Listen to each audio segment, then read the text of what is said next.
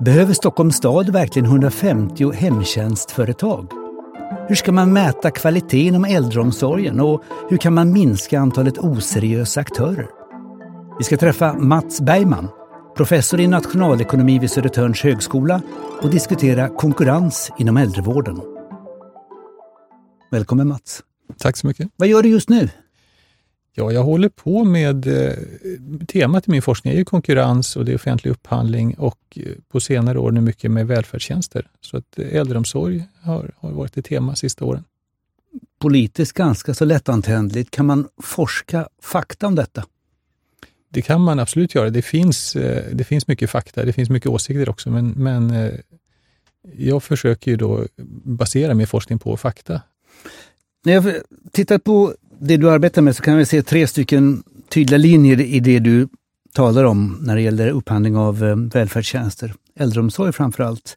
Kvalitet måste löna sig, säger du. Kundval är bra för välfärdstjänster. Och det ska vara svårt att etablera sig. Ja.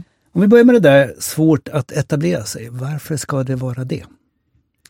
Ja, det, här, det här är ju otroligt viktiga tjänster. Det är ju välfärdstjänster, det är nästan per definition tjänster som, som är till för svaga grupper i samhället, eh, äldreomsorg till exempel. Och då vill man ju inte att det ska komma in lycksökare som, som är ute efter snabba pengar, utan det, det är faktiskt rimligt att samhället ställer tuffa krav. Den som kommer in och får förtroendet att hantera eh, samhällets pengar och framförallt att, att jobba med de här människorna, det, det måste vara seriösa aktörer. Vad kan det vara för ett hinder? Ge ett exempel på någonting som bevisar att det här är allvar. Ja, dels, dels så brukar man ju då mäta så att, säga, att man har kompetens, att man har resurser, man har personal som har tillräckligt mycket erfarenhet. Man måste ha, om man ska hålla på med äldreomsorg så måste man ha en, en sköterska som har tillräckligt mycket erfarenhet och så vidare. Så det är en aspekt. En annan aspekt är att man, man helt enkelt på, väldigt noggrant får beskriva hur man tänker jobba med det här, vilka rutiner man ska ha och så vidare. Och det, det kan man tycka, det är ju massa pappersarbete, men å andra sidan så skulle det vara väldigt svårt för någon som inte kan sin sak att skriva ett, ett dokument som är trovärdigt.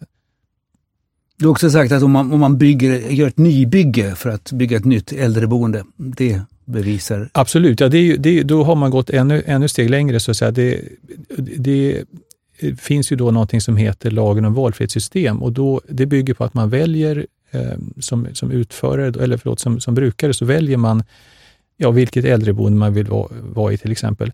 Och eh, de utförarna som, som jobbar inom det systemet, de måste själva stå för fastigheten. Annars, annars är det vanligaste då att man har offentlig upphandling och då, har, då är det kommunen som äger fastigheten och sen så kommer det in en utförare som får ett kontrakt på kanske åtta år.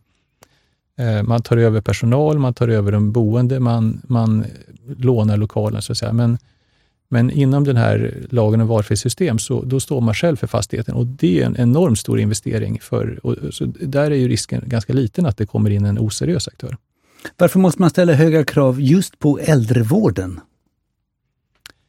Ja, det, det gäller väl egentligen, skulle jag säga, välfärdstjänster i allmänhet. Att, jag menar sjukvård, skolor, det är lite grann samma sak. Det är, skolor bygger mycket på kundval och där är det också det vanligaste att man eh, att den som driver en, en friskola har själv fastigheten. Även om man kanske inte alltid äger den själv, så har man ett långsiktigt hyreskontrakt. Och det är, det är lite grann samma sak. Att, att investera i att ändra bygga en skola eller att hyra en skola på till exempel sex eller tio år, det, det är en mångmiljoninvestering. Jag tänker på, du har sagt att kvalitet är, är det ganska lätt att definiera. Till exempel ett rum ska städas, ja då kan man ha låga ingångströsklar till det. Men det är något annat med äldreomsorgen och därför ska vi ha höga. Ja, men så, absolut, så är det precis. Så det, det, det, är den stora skillnaden. Att, att, kan man mäta någonting väldigt väl, väldigt noga, elektricitet, kontorsmaterial och så vidare, det, det är ganska väl definierat. Då kan man mäta, då kan man skriva in i kontraktet att det ska, tjänsten eller produkten ska se ut på ett visst sätt. Och gör den inte det, ja då går man, tittar man på kontraktet och så kanske man går till en domstol och, och begär skadestånd eller man kan, man kan häva kontraktet. Men men i äldreomsorgen så är det ju, det som är viktigt är ju, det är så mycket annat. Det är respektfullt bemötande, att man låter de äldre välja eh, i, i, den utsträckning som, som de kan och vill välja. Att man har tålamod när, när man hjälper folk med att äta och så vidare. Den, den sortens otroligt viktiga saker, men, man kan säga det, men hur ska vi definiera det? Hur ska vi mäta det? Och hur kan vi bevisa att, att en leverantör inte har behandlat de, de boende på ett äldreboende med respekt? Det, det är det som är den stora svårigheten. Du säger också att kvalitet måste löna sig och man är inne på vinster med offentliga pengar. Då. En kontroversiell fråga. Varför måste det löna sig? Om man kan, man kan, om, man, om, man, om man backar lite grann kan man säga att det finns, det finns tre sätt egentligen att organisera, eller tre, ja, tre sätt som används för att organisera välfärdstjänsterna. Det ena är att man har allting i offentlig regi. Det andra är att man, man förbjuder vinster och har bara icke vinstsyftande organisationer. Och det tredje är att man har eh, man tillåter vinstdrivande företag. Så, att, så, så, man kan ju tänka sig ett system där man inte har vinster och så, så hade vi i stor utsträckning tidigare i Sverige, att vi hade huvudsakligen bara den offentliga sektorn själv som utförare. Och internationellt är det ganska ovanligt med vinstdrivande företag med offentliga medel? Ja, det kan man säga. Framförallt eh, är det ovanligt att, att de är så dominerande bland de privata aktörerna. I, I, Sverige så är det storleksordningen kanske 90 procent eller, eller mer av, av de privata aktörerna som är vinstsyftande. Eh, tittar man på andra länder så kan man säga att inom skolan är det, är det ovanligt överhuvudtaget att det finns vinstsyftande företag. Eh, Medan då inom sjukvård och äldreomsorg så, så finns det i många länder vinstsyftande företag, men, men de, de, är, de är inte dominerande på samma sätt som i Sverige. Men, men okej, om, man, om man nu tänker sig att man nu har vinstsyftande företag, då, då menar jag att man kan faktiskt använda vinsten som en positiv kraft. Och det, där är logiken egentligen samma som, som varumärken när man säljer tekniskt avancerade saker. Att på kort sikt så är det många företag som kan tjäna pengar på att, att slarva med kvaliteten, men det här straffar sig i längden. Om en, om en biltillverkare eller en tillverkare av någon biltelefon eller sånt där de skulle kunna tjäna jättemycket pengar på att sänka kvaliteten och det skulle kanske gå ett år, kanske inte så mycket längre, och sen skulle deras varumärke vara helt förstört och så skulle de inte tjäna pengar längre. Så därför kan man i de flesta fall lita på att, att de faktiskt ungefär håller det de lovar. Och Det är lite grann den kraften som man, man kan föra in i, också i välfärdssektorn. När kvaliteten inte är bra så, så förlorar man pengar. En slags um, självläkande kraft där. Det var ju vad Gösta Bohman sa på 70-talet om kapitalismen. Jag vill bara fråga här, föra in den politiska sidan också. Är det för att du vill att det ska vara så eller är det dina rön? Men du är också medlem i Liberala ekonomklubben och det finns förstås politiska ingångar på detta. Men du hävdar forskning. Vad är då forskning? Vad är politik? Ja, det, det, är klart att visst, man kan, man kan eh, vara ganska överens om fakta och så kan man dra ganska olika slutsatser. Och, och jag skulle jag backar tillbaka till det jag sa förut, att det går att organisera på olika sätt. Man kan ha en helt offentlig sektor, man kan ha ett, ett vinstförbud och man kan också ha med vinst. Och eh, Hur man väljer där, det, är ju, det beror ju så att säga, inte bara på fakta, utan det beror på åsikter också. Men, men eh, det som man kan säga med forskningen är att eh, vi har haft nu privata vinstsyftande företag inom äldreomsorgen i ja, mer än 20 år. Och eh, den forskning som finns visar egentligen att, att det händer inte särskilt mycket med kvaliteten. Den blir vare sig särskilt mycket bättre eller särskilt mycket sämre. Den är ungefär densamma och, och kostnaden är ungefär densamma. Så det, det, är på sätt och vis ett väldigt förvånande resultat och oavsett vad man tycker kan man ju måste man ju förhålla sig till det. Att det så, där, så långt forskningen, sen exakt hur, vad man drar för slutsatser av det, där, någonstans där passerar man en gräns till, till när man kommer in mer på politiska frågor. Kundval är bra för välfärdstjänsterna. Det är den tredje slutsatsen i en sammanfattning av din forskning, Mats.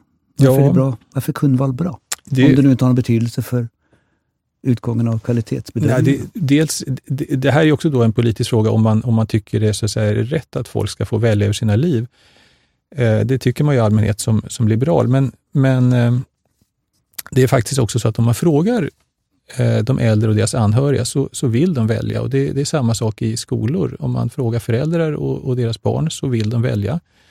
Eh, och det, det, vill man även efter att man har valt, så att säga. Så att folk, i den meningen så är folk nöjda med val och vill inte, vill inte så att säga, ta sig ifrån möjligheten att välja. Även om vi tycker vi väljer för mycket elleverantör? Ja, absolut. Vi kanske tycker att vi väljer för mycket där, i de fall där det inte är så väldigt noga eller där vi inte egentligen har förutsättningar att, att välja, men, men när, det, när det är riktigt viktiga saker som rör så här, centrala delar av vårt liv, alltså skola eller äldreomsorg, där vill vi välja.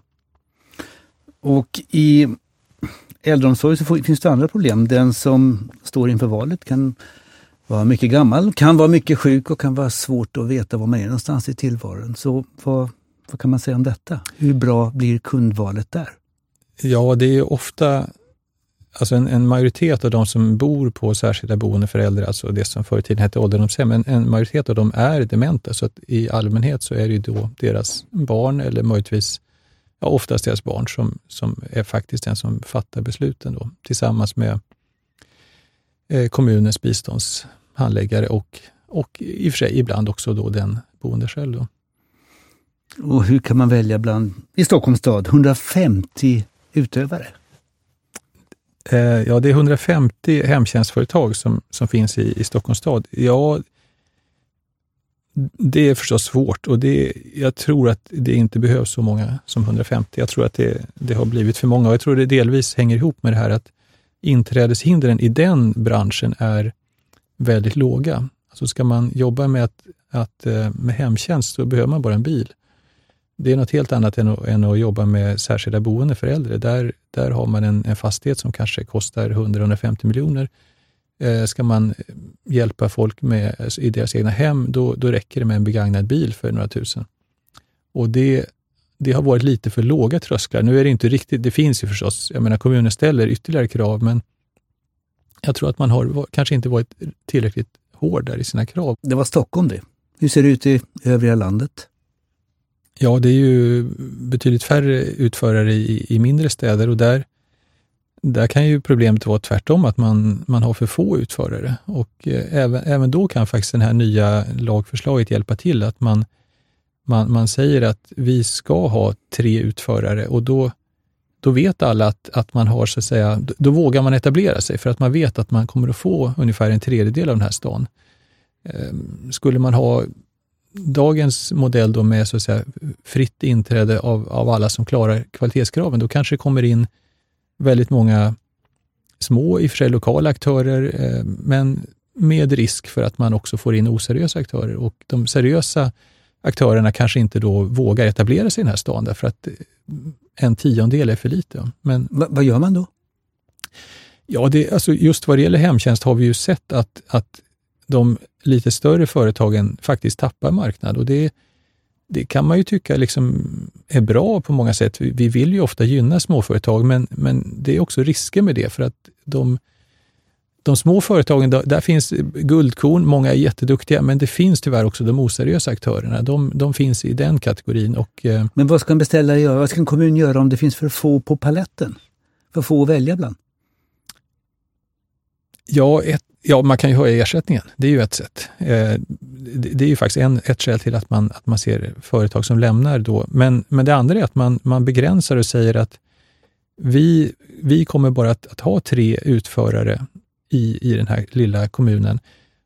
Och, och, då vet man det. Då vågar man kanske etablera sig när man vet att man, det blir i varje fall inte fler än tre. Om man säger att, att det blir det kan bli hur många som helst. Då kan, man ju, då kan det paradoxala bli att det blir färre, därför att då är alla rädda för att det ska bli tio och så blir det bara en. Man hur ska man bli bättre? Hur ska huvudmannen bli bättre på att beställa kompetens?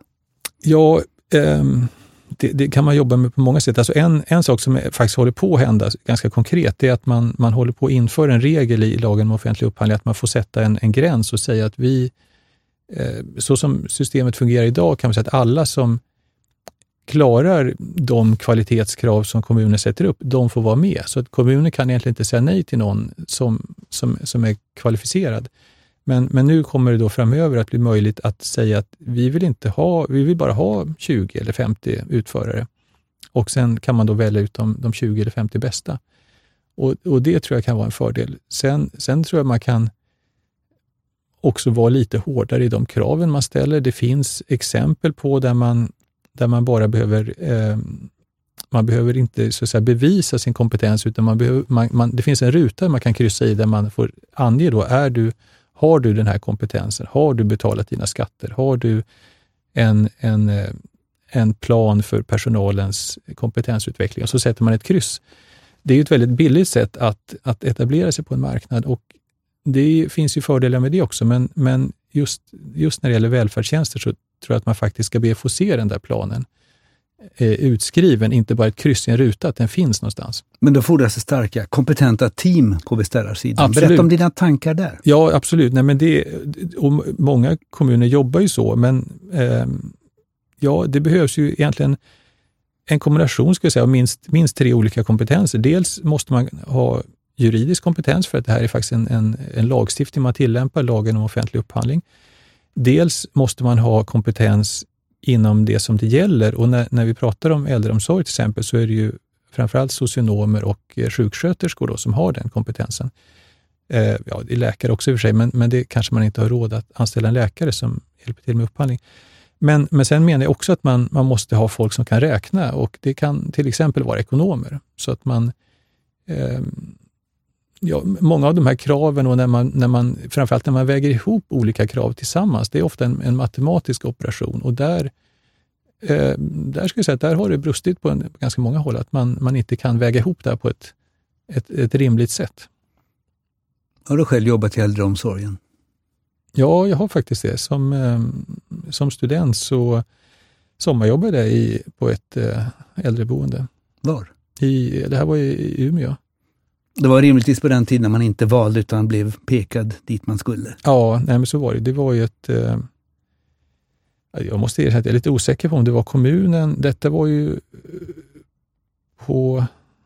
Ja, som student, jag var alltså, det var i 90-talet tror jag, kring 1990 och det var väl ungefär i samband med ädelreformen. Jag, jag hade ju inte koll på det då, så jag vet faktiskt inte om det var kommunen eller landstinget som drev de här då på den tiden var det ju mindre transparens, mindre EU-direktiv. Det var mycket mer subjektiva bedömningar. Och du hävdar kvaliteten var bättre då? Nej, det vet jag inte om jag skulle säga att kvaliteten var bättre då, men, men däremot så, så hävdar jag att, det, att det, det här med att kunna göra subjektiva bedömningar är ett, det är ett ganska bra instrument just när det gäller den här typen av, av välfärdstjänster där det är svårt att definiera vad som är kvalitet. Alltså vi, en, en, en duktig eh, kommunaltjänsteman, eh, alltså, eh, låt säga biståndsbedömare eller, eller chef för äldreenheten, de vet ju ganska väl vem som levererar bra kvalitet och, och vem som är sämre. Och på den tiden, så, så, alltså i början, när man började med offentlig upphandling, då kunde man göra ett ganska skönsmässigt val och välja den man litade på. Ehm, och det hade faktiskt fördelar. Det bygger förstås på att den här personen var både kompetent och ärlig, så att säga, att man inte gynnade sina vänner och så. Men, men, men det, det går inte riktigt med dagens EU-regler. Det räcker inte med oförvitliga tjänstemän? Nej, det gör det inte, utan då måste man ha mer, mer så att säga, objektiva kriterier. Och det, det låter ju bra med objektiva kriterier, men det har faktiskt en, en nackdel då just på det här området. Så det är därför man måste försöka balansera. Ge mig exempel. Vad är problemet? På pappret ser allting bra ut, men, men alla som är i, i den här branschen vet att den här utföraren är inte seriös. Det blir inte bra. Men de vinner ändå upphandlingarna gång på gång därför att de, har sina, de är väldigt duktiga på att skriva anbud. Eh, och jag säger inte att det är särskilt vanligt, men, men det är en risk som finns och den, den måste man förhålla sig till. Man kan inte bara så att säga, naivt eh, köra på enkla mätbara kriterier, för det, det kan leda fel. Du har något exempel på korgupphandling, kontorsmaterial i södra Sverige. En kommun som sagt att det här ska ingå i korgen, de här varorna ska ingå. Ja, just det. Bud och så fick, kom det in ett väldigt bra bud. Ja, precis. Ja, det, var, det, det är inte alls ovanligt här att man, eh, när man ska upphandla kontorsmateriel, sjukhusutrustning, ehm, ehm, mat till skolor, och så där, där man alltså köper ett, ett, ett, paket av, eller man köper egentligen en grossisttjänst kan man säga. Man, man vet ju inte exakt i förväg precis vilka kontorsmateriel man behöver och hur många, utan man, man köper möjligheten att, att kunna köpa kontorsmateriel. Och då brukar man då definiera en korg. Eh, och, och problemet är att, att det kanske är tusentals produkter och då, då kan man inte riktigt göra, eller man tycker sig inte kunna göra en korg som består av, av kanske flera tusen olika varor, utan man väljer ut kanske 30 representativa varor. Och sen så väljer man då vinnare utifrån den som har ett bra pris på de här 30 varorna. Och då, det här är förstås en väldig frestelse för, för eh, budgivarna att dumpa priset på de här 30. Och då vinner man på det och sen så har man ett väldigt högt pris på resten av sortimentet. Och, och det faktiskt kan det vara ännu värre att man, när, när man har vunnit anbudet så finns det exempel på att, att företagen plockar bort de här 30 eh, låga priserna och så säger de att tyvärr, det är slut på just de här sakerna, ni får köpa något annat istället. Men, men, som är dyrare? Som är dyrare. Mm. Och, och, jag såg ett sånt här fall som var ett av de mest extrema fallen där, där pennorna och pärmarna och så vidare och kolleg, kollegieblocken var väldigt, väldigt billiga. Så jag blev nyfiken och ringde den här kommunen och frågade hur, hur blev det? Så att säga? Har, de, har de lurat er? Och då, den här, den, just den här historien har en liten guldkant där, för då sa de att nej, faktiskt inte. Det här var ett, ett företag som faktiskt var seriöst. De höll sitt löfte och det, det blev väldigt dyrt för dem, för att vi köpte väldigt mycket av de här billiga pennorna och pärmarna och så vidare. Men de levererade faktiskt. Det här var ett någorlunda gott exempel som slutade lyckligt. När det är dåligt då? Ett, vad kan bli fel? Ja, det som, om, om vi ska ta ett, ett, ett, exempel där det, där det kan bli fel, det kan ju vara man, man upphandlar, eh, ja för att ta ett konkret exempel, konsulttjänster kan ju vara, det kan vara låt säga juniora konsulter, mellan seniora konsulter och seniora konsulter. Och då ska man väga ihop det här i, i olika, så att säga, ja, säg att en tredjedel av varje. Och, och så väger man ihop priset då med en, en tredjedels vikt för, för priset i de olika klasserna. Och då, då är det kanske en smart leverantör som vet att jo, men det är ju framförallt de seniora konsulterna som de egentligen kommer att använda. Så, att, så vi, vi sätter ett högt pris på seniorerna och sen sätter vi ett väldigt lågt pris på de juniora konsulterna och så vinner vi för att vi i genomsnitt har ett bra pris. Eh, och, och, när, vi, när sen det här företaget blir anlitat, ja då får de ju väldigt bra betalt för de seniora konsulterna och sen när man då vill köpa de juniora konsulterna, då säger de, ja tyvärr, alltså de, eh, de är upptagna så vi kan tyvärr inte leverera de här. Men ni kan få en seniorkonsult istället. Men upphandlingsdirektiven har följt. Transparensen ja. finns det. Ja, men precis. Det här är enligt regelboken något sånär. Och det är, det är svårt att tvinga, i det här fallet, det är svårt att tvinga en konsult att, eh, att leverera, för man, man vill inte ha en ovillig konsult. Tillbaka till kundvalet inom just äldreomsorgen. Väldigt många utövare presenterar ja, fina broschyrer. Vad gör man? Hur underlättar man? Ja, en, en första aspekt är att, att kundvalet, det löser ganska många problem. Alltså det handlar ju, kundvalen, det som vi väljer då, vi som låt säga föräldrar till barn som ska gå i skola eller, eller barn till gamla föräldrar som ska då kanske bo i ett särskilt boende för äldre. Vi, vi baserar ju oss väldigt mycket på så att säga, subjektiva bedömningar av, av bemötande och så vidare. Att det känns, att stämningen är bra, att det ser fint ut. Och Det är en ganska viktig aspekt, men det är inte allt, utan det finns ju mera hårda dimensioner av, av de här tjänsterna också. Till exempel medicins, säkerhet i medicinhanteringen, att personalen faktiskt har den kompetens som de ska ha, att de, har, att de är legitimerade sköterskor och så vidare. Hur gör man? Ja, det, det är en arbetsfördelning, så att kommunen då måste ta hand om de här hårda kriterierna och sen så får vi brukare vara med och välja utifrån de mjuka kriterierna. Man måste väga ihop det på ett bra sätt och låta båda, alltså använda kommunen till det kommunen är bra på och oss brukare till det som vi är bra på. Men du vill att det ska presenteras, det här är de bästa? Ja, precis. Ta sen, de här rent av. Ja, ja det där det, det, det, är också en svår fråga. Men, men jag skulle säga så här att, att forskningen visar att vi som konsumenter, vi kan inte ta till oss allt för mycket information, allt för komplex information. Vi kan ta till oss kanske en, en, på sin höjd en handfull sifferuppgifter som vi kan väga ihop på ett vettigt sätt. Vi, vi, kan inte, vi kan inte på ett vettigt sätt väga ihop 50 eller 100 sifferuppgifter. Så att när, när man presenterar, alltså när kommunen ofta på sina hemsidor presenterar de olika friskolorna eller de olika privata utförarna av äldreomsorg, så, så tycker jag man ska vara ganska sparsmakad i hur mycket fakta man tillhandahåller. Man, man bör ha så att säga, några väl valda nyckelfakta som man lyfter fram, kanske en tre, fyra, fem eh, centrala sifferuppgifter och sen, sen ska det förstås finnas mer information i bakgrunden. Så till exempel det här med, med låt säga, om, man, om man kan välja olika maträtter på en skola eller ett äldreboende. Det kanske kanske viktigt för några, men det är inte en sån sak som precis måste lyftas fram som det första man ser. Utan istället ska man lyfta fram sån här, det övergripande omdömet. Vad tycker du, vad tycker de som går i den här skolan? Vad är deras omdöme om skolan på det stora hela? eller de som bor i det här äldreboendet eller deras anhöriga, vad tycker de på det stora hela om det här? Vad, vad är deras övergripande betyg? Det är en väldigt central uppgift. Det finns ju en del prismodeller som har prövats där man väger samman pris och kvalitet och ger någon slags poäng. De har du kallat besynnerliga. Ja, en del av dem är faktiskt besynnerliga. Det, det går, det går att, att konstruera sådana här vägningsmodeller som, som, som fungerar ganska bra, där man, där man väger ihop pris och kvalitet.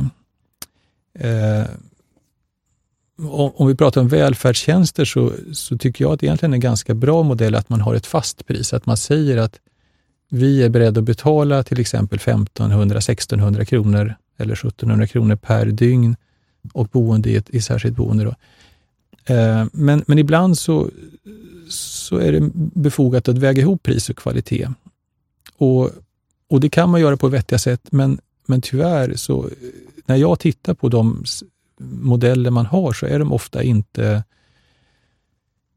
Ja, de, de, de vittnar på något sätt om att den som har gjort den här modellen har inte riktigt förstått hur, de, hur matematiken fungerar, alltså hur, hur, vilka konsekvenserna blir för, för sammanvägning av pris och kvalitet. Jag bara stannar vid summan där. Kommunerna, hur mycket satsar de på att ta hand om sina äldre invånare? Gör de det tillräckligt bra? Kan du ge, oss, kan du ge oss några tal? Totalt sett så kostar eh, äldreomsorgen ungefär 3 procent av BNP eller, eller närmare 100 miljarder kronor per år. Så det, det är mycket pengar och för kommunen så är det en, en av de allra största utgiftsposterna. Så det, den kommer strax efter skolan. Eh, så det är väldigt mycket pengar för kommunerna. Det är en av deras mest centrala uppgifter. Och per dygn, per människa? Per, per människa så har vi ett snitt som, det, ja, för något år sedan låg det kring 1500, kanske, tror vi, kanske närmare 1600 kronor per dygn. I, om man bor i, i, i ett särskilt äldreboende så att säga. Talar vi om hemtjänsten så är det ungefär en, en tredjedel, en fjärdedel av den summan.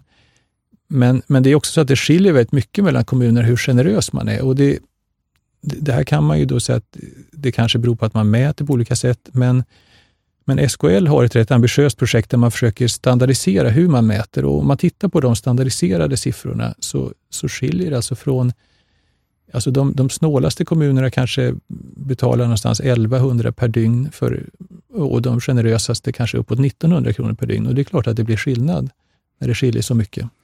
Du har någonting som jag tycker ställer hela frågan om vinsten i välfärd på ända. Du talar om kostnadsdelning, alltså om en beställare beställer dyra tjänster, mer personal eller nybygge eller fler bilar, så kan kommunen, till exempel kommunen, då vara med och betala det, men också dela vinsterna. Mm. Berätta. Ja, där, där är ju tanken att, att, så att säga, det, det, man är rädd för när man, eh, när man lägger så att säga, välfärdstjänster hos privata utförare, det är att de ska vara för snåla, att de ska vara allt för ivriga att sänka kostnaderna och till exempel dra ner på personalen. Samtidigt så skälet till att vi använder oss privata ut, av, av privata utförare är ju väldigt mycket därför att vi tror att de är lite effektivare och lite rationellare i sitt agerande. Och Kan man liksom balansera de här två sakerna? Ja, ett sätt att göra det är att säga att eh, när, när den här privata utföraren sparar eh, en krona så, så går inte hela den kronan till den privata utföraren, utan utföraren får bara hälften eller, eller någon annan andel, en tredjedel eller något sånt där och resten går till kommunen. Och tvärtom, är det så att det här blev dyrare än man trodde, så, så som det nu ofta fungerar så tar då den privata utföraren hela den smällen. Men, men det är ju baksidan av det här att då får ju kommunen då istället ta halva den merkostnaden.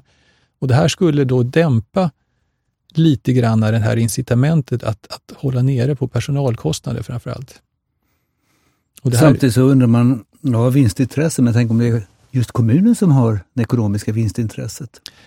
Ja, ja precis. Jo, det, det finns säkert kommuner och jag menar, de här siffrorna jag nämnde förut, den här stora skillnaden mellan, mellan generösa och snåla kommuner tyder på att en del kommuner inte prioriterar äldreomsorg särskilt mycket. Att det, och, och det, ja, jag menar, det, det, är klart att för kommuner så kan det vara ganska bekvämt att att låsa ersättningen på en väldigt låg nivå och så säger man då, för, för det kan man ju presentera som att det här är, en, det här är inte en prisupphandling utan det här är en, en upphandling med högsta kvalitet. För det är ju så det är, att låser man priset då vinner den som har högst kvalitet. Men låser man priset på en väldigt, väldigt låg nivå, så hjälper det inte att, att man tävlar om kvalitet, för det blir fortfarande inte särskilt bra kvalitet. Så det, det, finns många, många bottnar i det här och många, många aspekter. Mats Bergman, professor i nationalekonomi vid Södertörns högskola. Tack så mycket. Tack.